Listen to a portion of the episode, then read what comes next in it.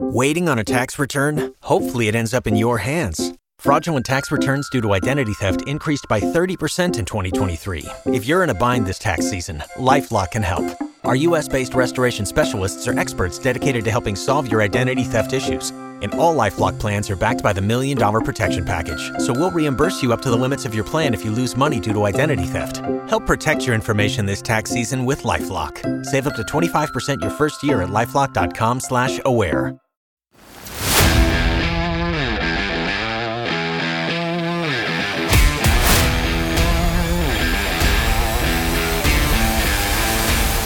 croeso i podcast Rugby Cymru.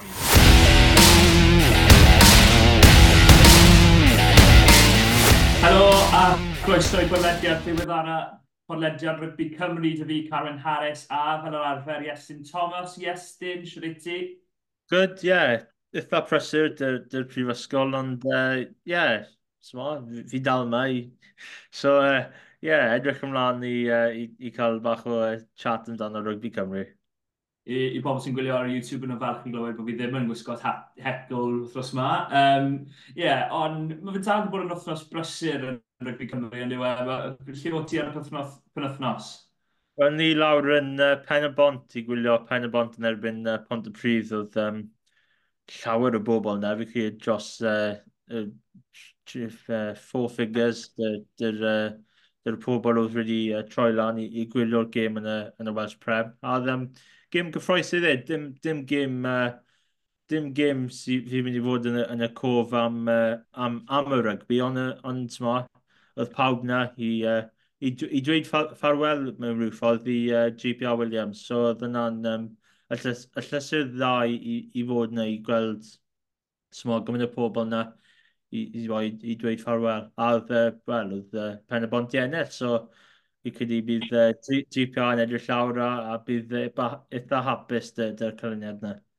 Ie, yeah, fi'n siŵr wrth gwrs GPA nath o farw uh, tua pethefnos yn ôl a um, well, nath o warai just uh, pen y bont am spel do a oedd llawer o gyd chwaraewyr e, fyna yn roedd yn, yn rhoi tani teinged iddo fe a, a'i amser e'n rygbi, ond fel nes i weid, fydd y goliaeth i Ben y Bont, a fydd y goliaeth dda iawn yn y be, be wnaethon ni weid, y Celtic Warriors da fi mewn ffordd. Ie, yeah, oedd, um, anau cynta oedd Pont y Pryd i cael cwbl o gyfleuon, oedd Pen y Bont am ddiffyn rili really dda a wedyn nath nhw just cyrru ymlaen, roi pwyntiau drosodd a, a mae Sgobod yn adeiladu lan wedyn, a mae, uh, wel, oedd, oedd anafiadau llwyr dy, dy, dy pont y brifin oedd wedi colli Liam Lloyd cyn y gêm, oedd wedi colli well, Josh Phillips yn rhaid hanner, oedd colli Ben Bennell a, um, a uh, Rochford Sugar yn y hanner cynta, so mae ma tri o'r, mae mae pedar o'r cefn di, di colli yma A oedd, um, wel, oedd Sean Parry wedi gwneud job yn wych fel cefnw. Fi ddim siŵr fel nath e'n neud e, ond oedd wedi gwneud job yn eitha dda. Ond, um, yeah, cic, cic hi, um, hwyr gan uh, Joseph Scrivens, uh, y masor, oedd e jyst i mynd uh, i'r uh, dde, a oedd uh, pen y bont yn, yn dathlu.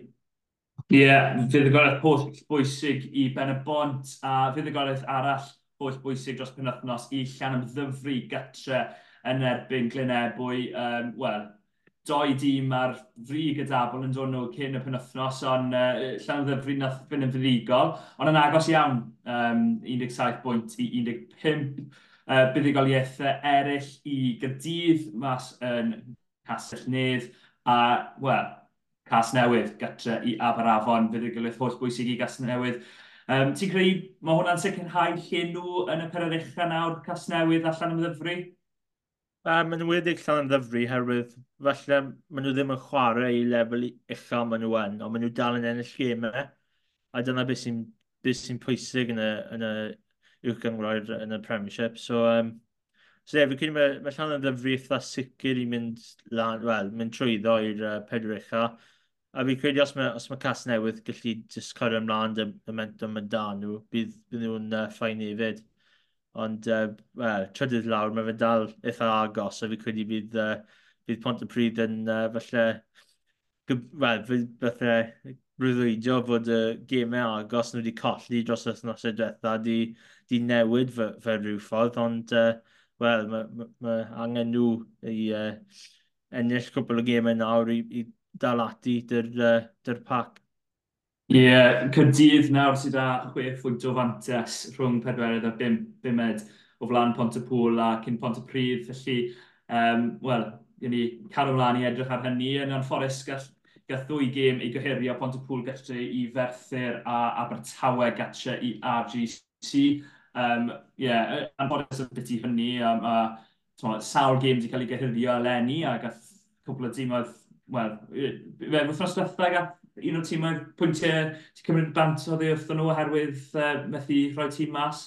Uh, Pont y pŵl, dwi'n meddwl, nhw wedi cael uh, dwy bwynt uh, cymryd i ffwrdd ond nhw, oherwydd nhw ddim wedi rhoi tîm mas yn erbyn, o, oh, fi'n i'n gofio pwy nhw'n chwarae. Uh, Mae'n gweud merthyr, ond felly fi'n anhywgyd. Uh, RGC. RGC fi'n meddwl. Ie. Yeah. Ie, yeah, so, so mae'n fe'n anffodus i gweld uh, So mae tîm oedd ddim gallu chwarae, ond fi credu yr wythnos yma, fi credu oedd y tywydd di wneud, uh, di wneud bach o impact uh, ar, uh, ar, ar glaw hefyd, di wneud, uh, wneud rhywbeth hefyd. Ie, yeah, fi'n credu bod wythnos yma oedd e, herwydd uh, ddecad i rewi yn, yn Montepool, ond uh, wythnos byddwch chi wedi deall ar storm, falle chi'n clywed yn y cefndir dy fi, um, pam bod gemau ddim wedi mynd mlaen. Um, gemau nath fynd mlaen, o'n i lawr yn wylio uh, Llandaff North yn erbyn um, Pont, uh, Pontyclun Falcons, uh, fi a cwbl o bobl eraill. A, wel, oedd e'n gwych o gêm yn y hanner gyntaf. Uh, Pont, Pontyclun yn cymryd y fantes a wedyn uh, ceisio hwyr gan Llandaff rhyw ffordd yn y tywydd. Oedd gwybod sy'n nath yn y war yn y glawn na nath dod yn ddau hanner, ond fuddugoliaeth dda i, i Landaff um, yn yr ail hanner yn y gêm hynny i'r menywod. Um, beth am ni edrych ar yr ambarthau hefyd te, oherwydd oedd rownd ola, wel, rownd ola, cwbl o dimoedd yn Ewrop, sef Cyrdydd, Dreigiau a'r Scarlett. Dechreuon ni dyn nhw falle, oherwydd nhw Um, yn ymwedig y dreigiau, oedd, oedd cyfle i rhaid yn nhw fynd trwyddo, ond oedd um, nhw angen fuddugoliaeth gytre yn ebyn y Sharks, wrth gwrs y Sharks, da chwaraewyr arbennig o De gafel, fel mae Pimpi, Lucenia Am, Oxen Shea a nath nhw lwyddo i cael y fuddugoliaeth yn y diwedd do.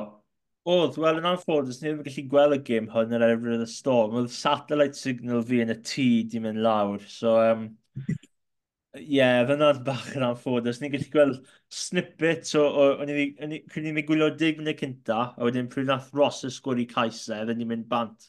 So o'n i'n meddwl, pryd ni wedi gweld y sgôr fod e'n tri ddim, o'n i'n meddwl, wel, mae rhywun ddim wedi di wneud y cyfri lan rolau, herwydd ni'n gobeithio, o'n i'n gobeithio fod Ross wedi sgori, ond um, wrth gwrs oedd y cais na wedi cael ei uh, gyhurio gan, uh, gan, uh, well, gan noc-on bach tua'r diwedd y, y symudiad na. A um, wel, y rôn, fi credu oedd hwnna'n bach o fel wake-up call o rhyw ffordd i'r Sharks.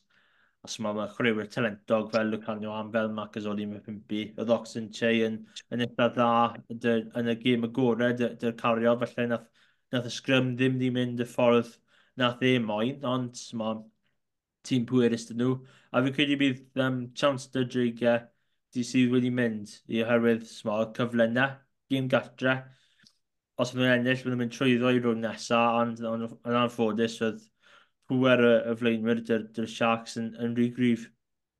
Ie, yeah, mae'n sicr y, y blaenwyr nath ennill y gêm i'r Sharks yn y diwedd, pum cais i nhw yn y diwedd. Um, Oxen Shea yn un o'n nhw yn, yn y gystal Hendricks, y Grobler, Roets a Coc ar yr asgell. Um, uh, Siomi'r dreigiau a i gyrdydd hefyd, oedd gobeithio nhw, wel, bach yn denau falle yn mynd mas i racing. Um, Ond oedd e'n gêm anhygoel, fel mae pob gêm yn y grŵp yma wedi bod yn dod. Y gêm agored, llawer o, o'r, or rygbi re, uh, redeg ac agored. Um, Cydydd yn sgori pedwar cais, a mae hwnna siŵr o fod yn y peth positif i sôn amdano'n gyntaf. Ie, yeah, so, oedd e'n positif. Ni wedi gweld um, neges uh, tuag at um, uh, tuag at uh, rhywbryd nes oedd y gêm pen y bont ble ni'n ni weithio. So, a ni'n gweld y scores trwy, trwy, updates gan, gan dad yn uh, eitha, eitha nice i fi wythnos yma, ddim rhoi uh, score updates i fi. Ond, um, ond ie, yes, yma, o'n i wedi gweld y sgôr fi credu ydden, ydden 40 i, i 10 o'r un bryd. Ie. A ni'n meddwl, o, mae yna mynd i fod yn un, un sympus i, i cael dydd, ond, ond nhw wedi ymateb nôl a So mae pob clod i nhw am, uh, am ymateb nôl i cael pedwar cais. Mae rhywbeth sydd wedi dod allan o'r gêm, of gwrs. Mae yna ddim, ddim di helpu nhw dy, dy canlyniad o mynd trwyddo i'r falle cwpan, cwpan pencampwyr neu'r cwpan her. Ond mae mae cwpl o perfformiadau falle mae ma Caerdydd wedi fod eitha brwd o. Fy'n wedi yn erbyn Herfaddon yn Caerdydd a sy'n cael pwynt bonus allan yn rasyn. Tîm sy'n sy top o'r uh, top 14, mae hwnna'n eitha dda, eitha, eitha bosnif. Ie, yeah, uh, mae fe. Um, nes i wedi ti cyn fod fi'n mynd i mynd off yn un bach. Fi'n credu, uh, fi'n rhwystredig ar gêm na. Um, uh, o, o wylio Cyrdydd, ond mewn y gêm yn y rhan y gyntaf, yn gyda 20 bwynt i ddeuddeg, gan athro weithio mor galed o ddiwedd y hanner gyntaf i gadw racing mas. Um, wedyn ar ddechrau'r ail hanner, nath nhw roi tair cais bant mewn rhyw deg munud, tair caws hawdd, hawdd dros ben. Yn gynta, um, oedd, oedd uh, camgymeriadau, os chi'n mynd nôl, actually, dyna ni weid gynta, os chi'n mynd nôl a gwylio'r uchaf bwyntiau, bod pob un o'r ceisiau yn dod deillio o pel gydydd. Yn, yn gyntaf mae'r uh, Cydydd yn trio rhedeg o hanner eu hunain, rhywbeth maen nhw byth yn neud yn ôl tyfu Booth, os ti'n gwrando i fi. A gywir i fyd, mae, mae Caerdydd uh, top kicking stats yn iwas i fyd, so fi'n credu mae'r pwynt y tyfu Booth fyna. Mae'r pwynt yma, mae fe'n licio neud y pwynt, um, fel fi'n wedi gweud i Iesyn o blaen, ond um, yeah, o nath o, nath, nath Gaerdydd nath nhw golli'r bel, wedyn mae Rhys Carr yn neud yn anhygol i ddod nôl, cael y bel, bwms off, off y pist, sy'n anhygol i weld os mae'n rwy'n gweld e, mae fe'n, uh, fel nath llawer o bobl weid, sy'n siŵr pwy sydd wedi brifo mwy, y pist neu Rhys Carr e oedd um, y ffyrddiad hynny, ond wedyn mae Thomas Williams gyda cyfle i glirio i linellau, mae fe'n cico'r bel, a mae fe ddim yn ffindio'r um, mae fe ddim yn troi bedd o'r ar, ar y ca, a mae Tede wedyn yn hyn yn anhygol yn curo'i ddyn a'i yn sgoli'r cais. Wedyn ail gais yr, an, uh, yr ail hanner, mae um, ma Cydydd ar bil, mae'n rhoi cic gosbi bant, a wedyn pawb yn, yn troi bant. Mae pawb yn, yn diffyg can o bwyntio, mae ma, ma chwaraewyr yn dod mewn tuag at canol y ca, a mae Racing jyst yn rhedeg i, pasio'r Bale mas, a Christian Wade yn neud yn wych i, wel, i wneud rhyw fath o, wel, so'n siŵr be, be nath o'n neud i, i Mason Grady, o lwyddo i sgori'r cais uh, heibio i Mason Grady, a wedyn dyrwydd cais fyd yn dod i ar y bil, sydd wedi troi drosto um, rhwystrigeth dy fi dy'r gêm na, oherwydd oedd cyfle dy gydydd, a sa'n credu oedd Racing gymaint o well na nhw yn yr hanner gyntaf, a wedyn bych rhoi tair cais bant am, wel, 10 munud. Mae dim ffordd i chi ennill y gêm. Dyna hi. Um, dyna fy rwystadigaeth rhy hawdd. Um, mae hwnna um, wedi bod bach yn debyg i wer cydydd yn rhoi pwyntiau bant um, yn, yn rhy hawdd mewn spel fach, fi'n credu. Um, er hynny, rhaid mi weid, oedd rhai'r chwaraewyr yn dda iawn, o'n i'n meddwl Ben Thomas yn wych dy bia, um, yn ogystal â waran dda iawn um, yn deg. 30, ond ie, uh, yeah. Sean mewn gyda'i gydydd i, i goll mas er oedd grŵp nhw mor anodd, mae fe'n hawdd i weid e, e, oedd e'n yn ochan ond oedd e. Ie, yeah, mae fe'n grŵp, fi credu yw'r unig grŵp oedd oedd bach yn anodd, oedd yr un dy Leinster, lawr Asiela, Stormers, dwi'n credu a wedyn yr un arall yw'r un dy Toulouse, Racing a Quinns a, a Caerfaddon, so, so oedd ddim yn mynd i fod yn anodd i, i cael dydd, so, hwbyn pa grŵp yn yr un, mae ma tîm oedd wych gros, gros y, y, y grwpiau i gyd, ond oedd un hynna un eitha anodd, oedd um, oedd, oedd rai pethau dda wedi digwydd yn y, yn y gêm yn, yn y pedwar gêm na, ond hefyd, mae ma, ma pethau fel, fel ti jyst i sôn, ma, yn, yn y top level, maen nhw'n dangos y mwy na falle hmm. y tîm oedd eraill, so mae, mae, llaw, mae dal llawer o waith i, i matcher at wneud dy, dy cydydd er fod felly mae, mae pethau yn edrych yn, yn dda am y dyfodol. Oedden a gobeithio bydd Mackenzie Martin yn gwella yn fuan iawn at off yn y rhan y gyntaf, gobeithio bod wedi gwella oddi ar ei anaf. E, uh, Scarlett yn ddiwedd, um, cyn, cyn i fi ryw positif, uh, Scarlett, o'n nhw'n um, rhwystredig to, efe? Um, ceisiau rhy hawdd nath nhw roi bant yn y rhan y gyntaf, ti'n meddwl, yr un, dwi'n meddwl, sgori cais a wedyn mae ma, ma, ma, cip ffrydd da gyrhedyn, mae'n rhoi'r bel lan yn yr uchel, mae Betheli'n cyr a Steph Evans yn rhy hawdd a rhoi'r bel i bant ymerfer blat i sgorio.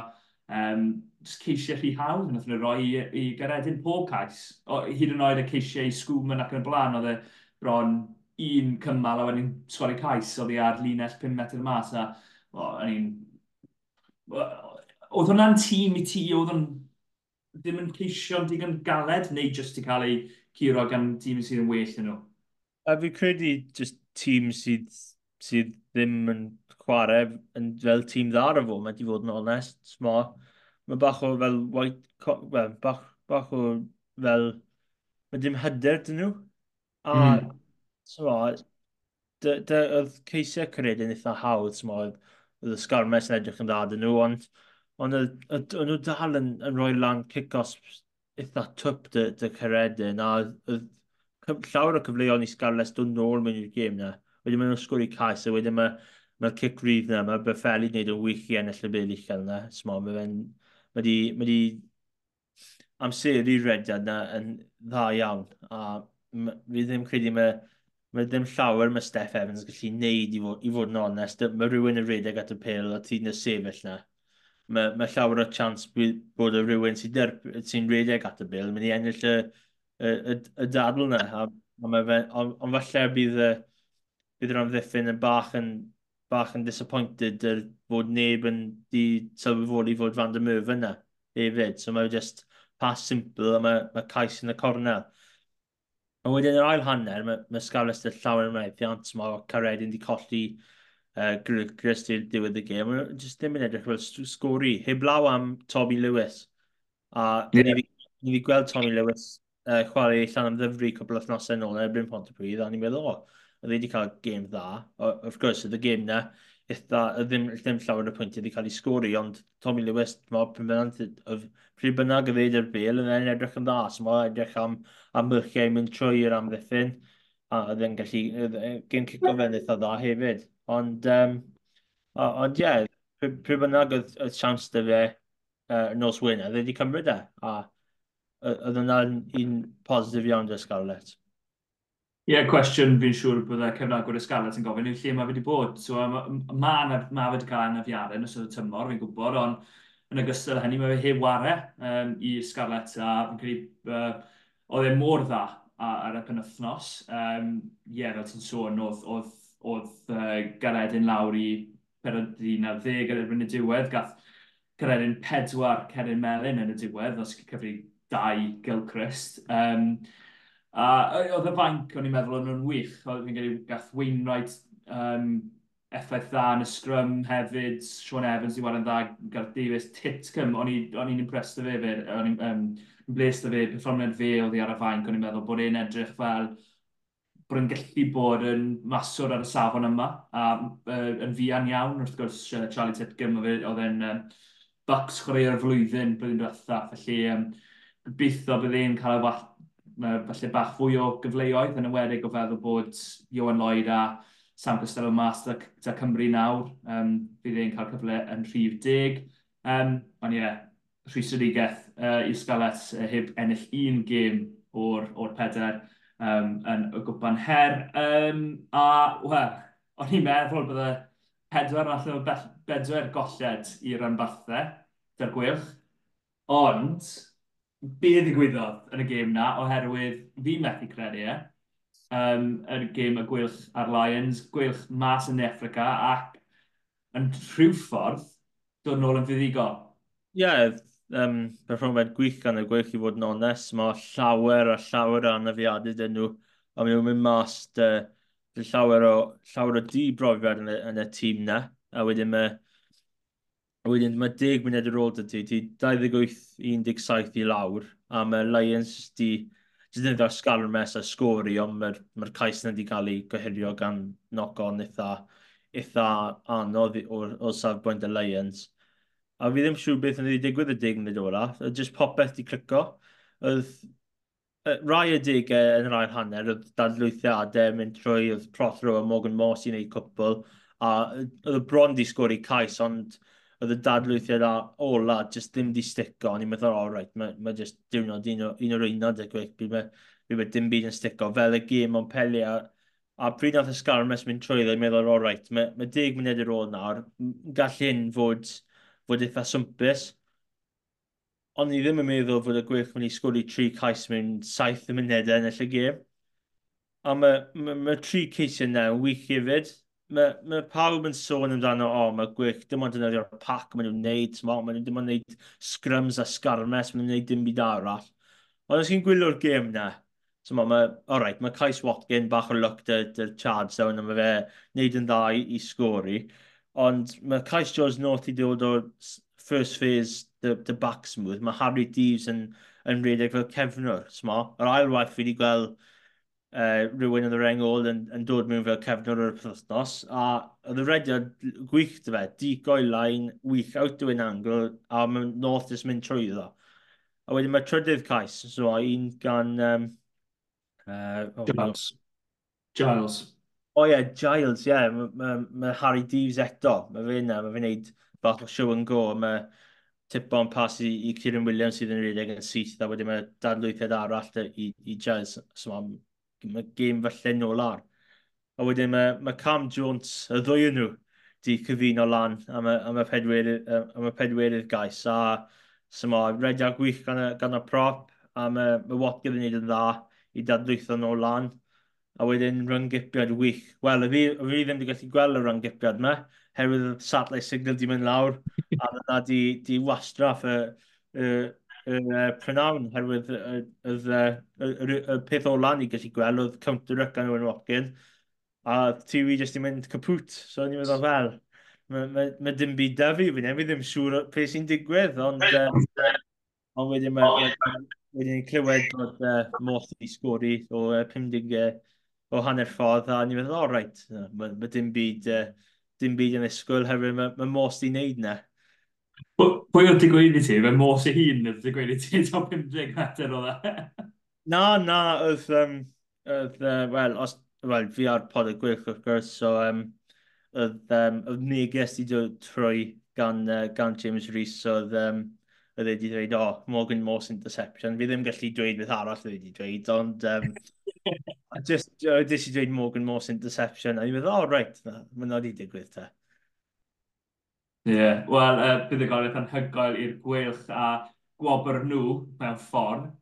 gwobr, sy'n siŵr os ta'w gwobr yw e, ond mae ma, ma nhw cyfle dyn nhw yn y rown nesa, um, round of 16, fel nhw'n gweud yn Saesneg, gytre yn erbyn Sale Sharks. Wel, wedi weld Sale yn trefeili yn y rowndiau, um, wel, yn cwpon Ewrop cwpl o weithiau i, i Gymru ddiweddar.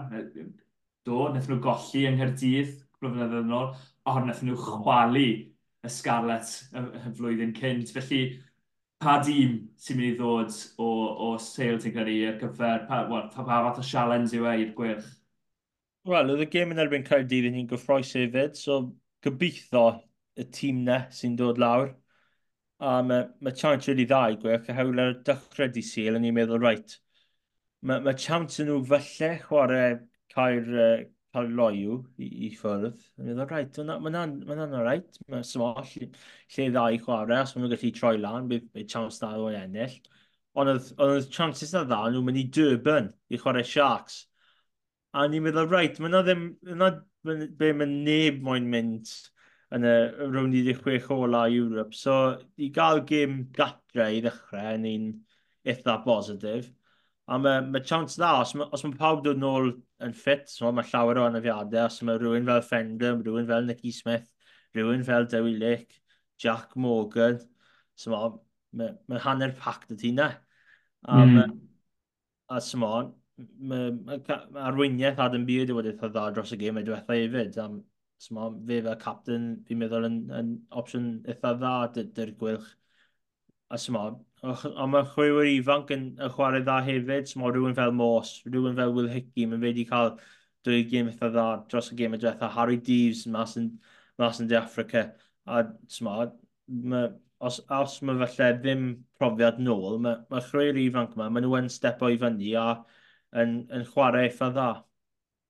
Ie, yeah, um, bydd e'n sialens go iawn i, i nhw yn erbyn uh, Seil. Seil, wrth gwrs, di gorffen yn bimed yn gwpan Ewrop, um, a maen nhw'n bimed yn, yn, yn tabl yn, yn, yn gyngred Lloegr hefyd, felly bydd e'n braf anodd ar benethnos cyntaf ebryll. Um, ti wedi sôn am gatyniad na fyna, um, well, ti sôn am gatyn arall, um, bydd ti'n brawd iawn o sôn amdano fe, sef gatyn newydd tîm 12 Cymru, Harry Ackerman. Um, yn gyntaf, golled enfawr yn wrth gwrs, Ryan Woodman mas am bedwar mis da uh, anaf yw uh, bus bawd, ond, wel, Harry Ackerman, gweud, gweud y cyfan ti'n moyn gweud yn fyty fe, Iestyn. Wel, mae fe'n jyst yn amcan dda o'r dechrau tymor i fod yn onest. So, o'n i ddim yn sylweddoli fod yn mynd i fod yn uh, captain i'r uh, dan 20 yn y, yn y chwe glad, herwydd ni'n meddwl rhywun fel Ryan Woodman sy'n mynd i fod yna, ond yn anffodus, colled fawr i, i, i tîm dan i gen, a colled fawr i'r dreigiau hefyd. Fi'n credu mae'n fod yn chwarae eitha dda dyn nhw yn y UASI a'r, a'r gemau yn, yn Europe. Ond uh, syma, profiad, profiad fawr sydd wedi colli gan, gan rhywun fel Woodman, a mae, mae chance da yna i, i, i rhywun fel Ackerman i, i datblygu sgiliau fel, fel arweinydd. So, um, mae ma fe'n eitha positif. Mae un, un o'r ffrindiau agos fi hefyd i fod yn enwi yn y, yn y carfan, uh, sef uh, Rodri Lewis o'r gwerch. So, um, yeah, mae ma fe yna, so mae fe'n fod yn ddiddorol. Fi'n credu mae fe, oedd e mas da anaf cwbl othnos enol, so gobeithio mae fe, ma fe nôl yn, uh, yn ffit, ond ie, uh, yeah, mae fe'n dda i weld uh, yslefer y dal ar y map. Mae dwy nhw nawr, herwydd mae Mos neu i fyd. Ie, yeah. wel, dyma ni. Ystylafera, ystylafera, ystylafera. Gyd ti'n sôn amdano i ystylafera. Um, mm-hmm. on, ie. Yeah, mae... ma, ma... the boy ma... of ystylafera, we can't take the ystylefera out of the boy. Fi'n credu that's the Anyway, ar y nod yna, um, sa'n siŵr, on ie, yeah, pob lwc i dîm Darugan Cymru sy'n dechrau wrth gwrs uh, mewn uh, rhyw bythefnos yna. Um... Yeah, yr un, yr un um, wythnos ar uh, chwe glod proper, fel yn dweud. So just um, just dros wythnos, wrth gwrs, yeah. um, uh, yn erbyn yr Alban. Um, hefyd, well i ni sôn am menywod uh, gwaliau Lightning, uh, dim gêm i gwaliau neu brython dros penwthnos, ond byd nhw'n chwarae penwthnos yma, gwaliau gytre ar barc yr arfer hanner awr di un, gytre yn erbyn Cairedin, a um, fel wnaethon ni sôn o'r thwswetha, Brython yn teithio i'r Wolfhounds, Wolfhounds uh, ar dop y dabl, bydd hwnna'n brawf go iawn i nhw i ceisio cael ei ddiddygoliaeth cyntaf, ond gwalia um, gobeithio bod nhw'n gallu parhau a'i, safon nhw, sydd fod mor uchel, mor belled. Um, lle wyt ti othos yma uh, ynghyd ar... Um, Wel, ti'n ti, ti dilyn pont y pryd pen othos yma? Oeddi uh, nôl ar uh, Heol Sardis. Um, wrth gwrs, mae ma newyddion uh, penawmad yr EDC, mae popeth i uh, ffrwydro allan o'r proportion, so mae'n i fod yn un diddorol uh, Sadwn, her mae'n pont y pryd yn chwarae pont y pŵl ar uh, Heol Sardes. Gêm sy'n mynd i ffeithio'r tabl fy rhyw ffordd, fi'n siŵr. Um, uh, Ysma, wel, yn y gêm yn um, cyn tymor, oedd, oedd pont, y, pont y pryd i ennill, ond wrth gwrs, dechrau, dechrau tymor, mae'r uh, nath Pwla cael bach o revenge lawr yn uh, pont y pŵl Park, gan uh, bydd i Pont y Pryd 41 i uh, 30. So mae'n mynd i fod yn diddorol uh, penwthas yma. So, os, os gall pont, pont y prif ennill gêm arall gytre ar ôl uh, colled mor agos y penwthnos cyn, neu bydd uh, pont, pont y pŵl yn uh, ymestyn uh, falle gap rhwng y, rhwng y pac. Ie, yeah, gemau eraill i sôn amdano Cydydd gatre i Ben y Bont, Aberafon gatre i Abertawe, Glynebwy gatre i Gall, uh, Gastell Nedd, sori, uh, Casnewydd, gatre i Gerfyrddin, a rygbi Gogledd Cymru uh, gytre i lan yn ddyfru. Gobeithio bydd hwn gen yn cyn mynd ymlaen, a gobeithio bydd y tywydd yn yn, uh, yn, well, yn oed i nhw am bach, yn just, you know, just dim ond hanner awr i dau y ddisad o newe. Um, nes i awgrymu rhywbeth fyna a sôn am rhywbeth sef yr EDC a sefyllfa yna, mae fe pryd ni'n recordo sef nos, nos fawrth, uh, trydydd ar hugen o, o, o Ionar, mae fe dal lan yn yr awyr yn diwedd, ond yn hanes oedd, oedd bod Pont y Pryd, Ferthyr a Cydydd ddim yn mynd i bod yn rhan o'r EDC a ddim yn mynd i rhoi cais i mewn, ond mae rhyw syniad bod hynny'n mynd i newid yn dos. Ie, yeah, um, pob tro di Steph Thomas o um, Wales Online, ni, o'r gwrs ni wedi cael ei ar y pod o blaen, uh, wedi e dod â newyddion bwyr yma fod uh, Caerdydd yn mynd i ymuno dy'r uh, cyngroedd uh, EDC a awgrym bod Pont y Pryd yn mynd i ymuno dyn nhw um, mewn rhyw ffordd. Ond um, mae, mae Pont y Pryd wedi dod mas tua rhyfdi awr, awr o hanner yn ôl a dweud, na, ni, ni, ni, ddim yn, uh, ni ddim yn rhoi unrhyw beth mewn. Wel, mae bach o siom yn nid i dweud wrtho fi, so um, o'n i bach, bach out the loop uh, pryd i ni gweld y newyddion bore yma, a wedyn uh, o'n i wedi gweld y, y statement y y Ponti, a ni'n meddwl, wel, gallai rhywun dweud wrtho fi beth sy'n sy mynd mlaen. Ond, um, ond ie, yeah, mae'n ma fynd diddorol. O'n i'n meddwl bod y, bod y tîm yma wedi cael ei selio lan, ond wrth gwrs, mae, mae newid, newidiadau myned ola yn um, effeithio thing, uh, pethau. A os, mae os mae Caerdydd nawr mae'n mynd mewn, mae, mae, fi credu mae dal chance dyn nhw i, uh, i, i chwarae yn y cysylltiaeth newydd uh, tymor nesaf mae'n dod mewn, fi'n meddwl. Ie, yeah, gen i weld Sharif yn ni, mae ma, ma hwnna'n stori sy'n dal i barhau a gen i weld be wnaeth ddigwydd. Wrth gwrs, dim UAC yn wythnos yma. Um, Iestyn, o ti'n mynd i wneud, y, cwestiwn fawr, wrth gwrs, yn pawb yn gwybod, yw ydy Iestyn mynd i wneud rhyw fath o, o dîm uh, fantasy ar gyfer y chwe glad? O di, a mae ma reol... Mae reol... Predictions, yw e? O, wel, o, fi, well, fi fi ddim yn neud Super Brooder gymau Ewropeaidd, herwydd ni, wel, fi ddim moyn ni, da, e, fi jyst i angofio yn gyfan gwbl ar dechrau'r dechrau tournament, ond um, o, fi ddim yn neud un am dan o'r chwech grad, a mae ma fantasy'n wastad yn digwydd, fi a cwbl o ffrindiau yn neud, uh, neud un lan, a um, mae ma reol dy fi, mae ma Palo Gabisi, mae fe'n captain trwy gydol y, y tournament, So, um, so os, os mae pethau mynd y dda i'r eidl, bydd, um, bydd fi'n dod ma'n pob wythnos ar y pod a dweud fod Gabi sydd wedi fod yn superstar, dyle pawb roi e am so, Os mae'r eidl yn bydd i, um, bydd i Cymru yn Caerdydd, falle bod fi ddim yn redress, herwydd mae Gabi sydd wedi gwneud llawer o, llawer o bwyntiau. Ond um, yeah, mae fel golden rule dy fi, mae, mae Gabi sydd yn captain, a um, mae dim byd arall dy, dy reolau, ond so, os mae Sam yn dyn y chwarae, falle mae ma, lle dy fi ar y fainc, ond uh, mae mae pob, e, pob beth arall dy tactical approach, ond mae Gabisi wastad mewn. Oedd yr un rheol dy fi yn bysi Jack Morgan bod rhaid i fe fod yn y tîm, ond um, sa'n siŵr beth fi'n mynd i wneud eleni, felly fi rhaid i fi roi uh, yeah, ffyno rhyw open side arall i roi uh, arian mewn. Uh, Um, Bydd rhaid ni set ymlaen rhywbeth o tabl ar gyfer pawb os ydych chi'n gwrando i mynd o mewn a mwynhau'r hwyl neu rhywbeth, wel, hwyl neu hunlled, bynnag mae'r ffordd mae fe'n mynd. Um, Mae ddim yn hwyl gymau fantasy, mae byth yn hwyl. Wel, yr unig beth fi'n mwynhau yw os mae rhywun yn sgori yn y Bryn Cymru, fi wedi rhoi arian mewn, fi'n hapus um, sydd yn falle, falle bach yn anghywir, ond uh, well, pam lai e. yma. Um, unrhyw beth arall ni heb sôn amdano, ni wedi mynd trwy eitha llawer o'n eitha gyflym fi gyda wrthos yma, um, on... Record pace. Pere? Record pace fi'n meddwl wrthos yma. Ie. Yeah. Hedfan trwy e. Um, fi ddim credu mae'n mynd rhywbeth unrhyw da fi. Um, Yeah. Yeah, um, probably dyn ni weid yn biti uh, y shorts newydd, shorts, YouTube shorts, ddim maen nhw, nid shorts bod ni'n gwisgo, um, bod, bod, bod y rap yn neud, ni'n neud nhw ar um, fel ymateb ni syth ar ôl gemer. Bydd rhaid i ni wneud rhai yn Gymraeg, Iestyn, uh, Iestyn a fi heb wneud un ffysletha yn Gymraeg, rhaid i ni wneud wrthos yma. Um, ha hefyd bod blog yn mynd i ddod mas a bydd ni'n trial wneud rhywbeth yn Gymraeg yn y dyfodol uh, dar rap. Um, un, uh, heblaw am hynny, fi'n credu ni'n mynd, mynd, mynd drwy'r popeth yn fuan iawn. Um, felly, diolch yn fawr i bawb am rando. Uh, diolch yn fawr i ti, Iestyn, hefyd. Um, unrhyw beth ti'n mwyn gweud cyn gweud hwyl fawr, unrhyw beth ti'n mwyn hysbysebu?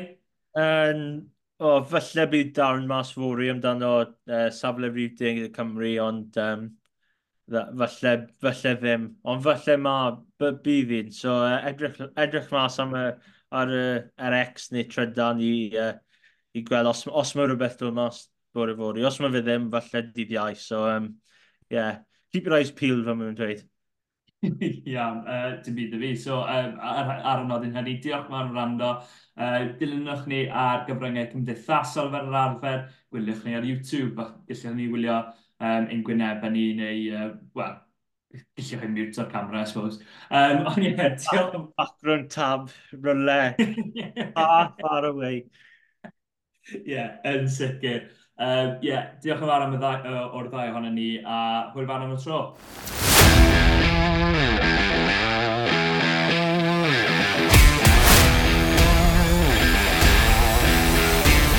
Diolch am gwrando i'r podcast Rugby Cymru.